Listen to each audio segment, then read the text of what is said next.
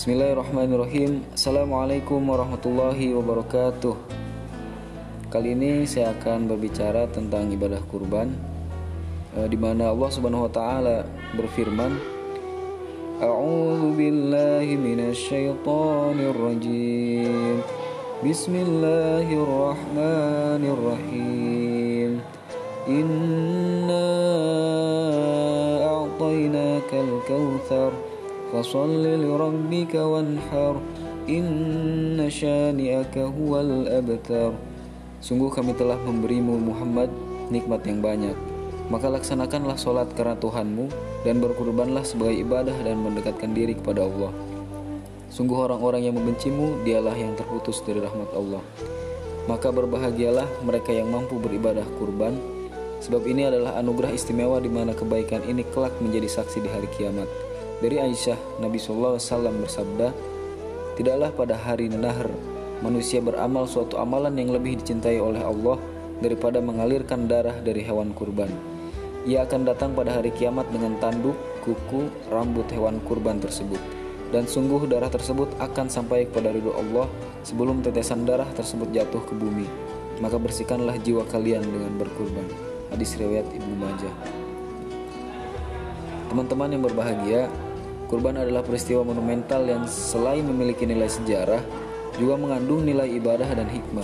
Seorang rasul yang diperintah oleh Allah menyembelih anak kesayangannya sebagai wujud ketaatan seorang hamba kepada Tuhannya. Dalam hal ini selain memiliki nilai ibadah, kurban yang dilaksanakan setiap bulan Zulhijjah juga memiliki dimensi sosial, yaitu semua orang bergotong royong membantu prosesi penyembelihan hewan kurban sekaligus mendistribusikannya. Maka selain itu, mereka yang mampu juga melaksanakan ibadah ini sebagai bentuk kepedulian terhadap sesama. Maka sebagian sebagai bagian dari ajaran agama, ada beberapa nilai pendidikan yang bisa dipetik dari peristiwa yang dijalani oleh Nabi Ibrahim dan Nabi Ismail alaihissalam ini. Di antaranya adalah yang pertama, menjalani perilaku sabar. Nabiullah Ibrahim alaihissalam sudah berpuluh tahun menikah namun belum dikarunia putra. Di sinilah kesabaran beliau diuji bisa saja Allah memberikan putra kepada Nabi Ibrahim yang bergelar Khalilullah tersebut, namun Allah menunda memberikan putra kepadanya. Dan beliau menjalaninya dengan penuh kesabaran. Inilah di antara akhlak yang dicontohkan oleh Nabiullah Ibrahim alaihissalam, yaitu menjalani ketentuan Allah dengan penuh kesabaran. Oleh sebab itu, sebagai manusia, sering kali kita terburu-buru berprasangka buruk pada Allah atas apa yang menimpa kita. Padahal kita belum tahu kejutan atau bahkan hikmah apa yang digariskan oleh Allah kepada kita. Oleh karena itu, sebagai makhluknya, kita harus senantiasa berprasangka baik pada Allah. Sebab sebagaimana hadis qudsi yang disabdakan oleh Rasulullah SAW bahwa Allah mengikuti prasangka hamba-hambanya. Sebagai ulama, sebagian ulama menjelaskan maknanya yaitu Allah akan menganugerahkan ampunan jika hamba meminta ampunan. Allah akan menerima taubat jika hambanya bertobat dan Allah akan mengabulkan doa jika hamba meminta. Allah akan beri kecukupan jika hambanya minta kecukupan dan seterusnya. Ini adalah hikmah yang pertama. Teman-teman yang berbahagia, kemudian nilai pendidikan yang kedua adalah peristiwa kurban ini tentang tawakal. Setelah beliau menunggu kehadiran buah hati selama puluhan tahun, namun akhirnya dikaruni Ismail alaihissalam melalui rahim Siti Hajar. Nabi Ibrahim alaihissalam sangat berbahagia dengan karunia ini. Namun Allah tiba-tiba memberikan ujian kepadanya yaitu menyembelih putra yang beliau cintai.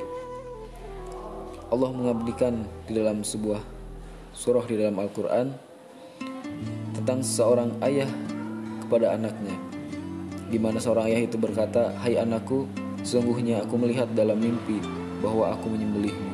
Ketika menyampaikan kabar ini, Nabi Ibrahim alaihissalam juga menunggu reaksi dari putranya yaitu Ismail alaihissalam dengan menanyakan pendapatnya. Maka pikirkanlah apa pendapatmu wahai Ismail. Ayat ini telah mengajarkan kepada kita apabila dalam menentukan keputusan penting berkaitan dengan buah hati.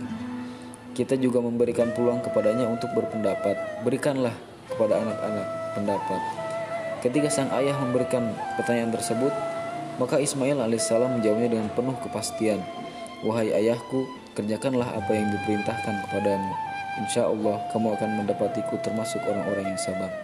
Teman-teman yang berbahagia, dialog antara ayah dengan anak yang diabadikan oleh Allah dalam surat As-Sofat dalam metode pendidikan Pola semacam ini disebut sebagai metode hiwari alias dialog. Nabi Ibrahim tidak langsung menyuruh Ismail alaihissalam menuruti keinginannya agar mau disembelih, tapi melainkan menanyakan kepada beliau terlebih dahulu, meminta pendapatnya, menguji respon dan reaksinya. Hal ini sesuai dengan fitrah psikologis bahwa remaja bisa dimintai pendapat melalui cara dialog untuk mengembangkan nalarnya. Dan Ismail alaihissalam menjawab dengan pasti dan percaya diri serta berharap dirinya menjadi bagian orang-orang yang bersabar. Maka poin ketiga adalah dari peristiwa ini adalah pendidikan ketauhidan. Nabi Ibrahim dan Nabi Ismail alaihissalam kompak menjalani perintah Allah. Keduanya berserah diri dan tawakal menjalani perintah Sang Pencipta. Meskipun ketika hendak disembelih, Allah menggantinya dengan hewan sembelihan dari surga.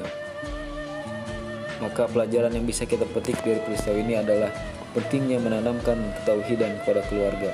Seorang ayah yang memiliki karakter kuat dan ketauhidan yang kokoh akan mendidik anaknya dengan baik dalam hal kecintaan pada Allah dan mentaati perintahnya serta menjauhi larangan-larangannya. Maka jika dirinya lebih dahulu memberikan contoh yang konkret, maka Nabi Ibrahim telah memberikan contoh dan Nabi Ismail pun tidak ragu melaksanakan perintah dari ayahnya tersebut. Maka sebagai seorang ayah, Nabi Ibrahim memberi contoh bagaimana ketaatan kepada Allah harus didahulukan daripada kecintaan terhadap anak. Sebagai seorang yang beriman, beliau menjalani ujian ini dengan baik, tidak ada gugatan kepadanya. Maka itulah teman-teman sekalian esensi daripada ibadah kur kurban yang sebentar lagi akan kita laksanakan. Mudah-mudahan kita semua termasuk orang-orang yang bersabar, termasuk orang-orang yang senantiasa mengimplementasikan apa yang ada di dalam Al-Quran dan Sunnahnya. Sekian yang bisa saya sampaikan. Kurang lebihnya mohon maaf. Assalamualaikum warahmatullahi wabarakatuh.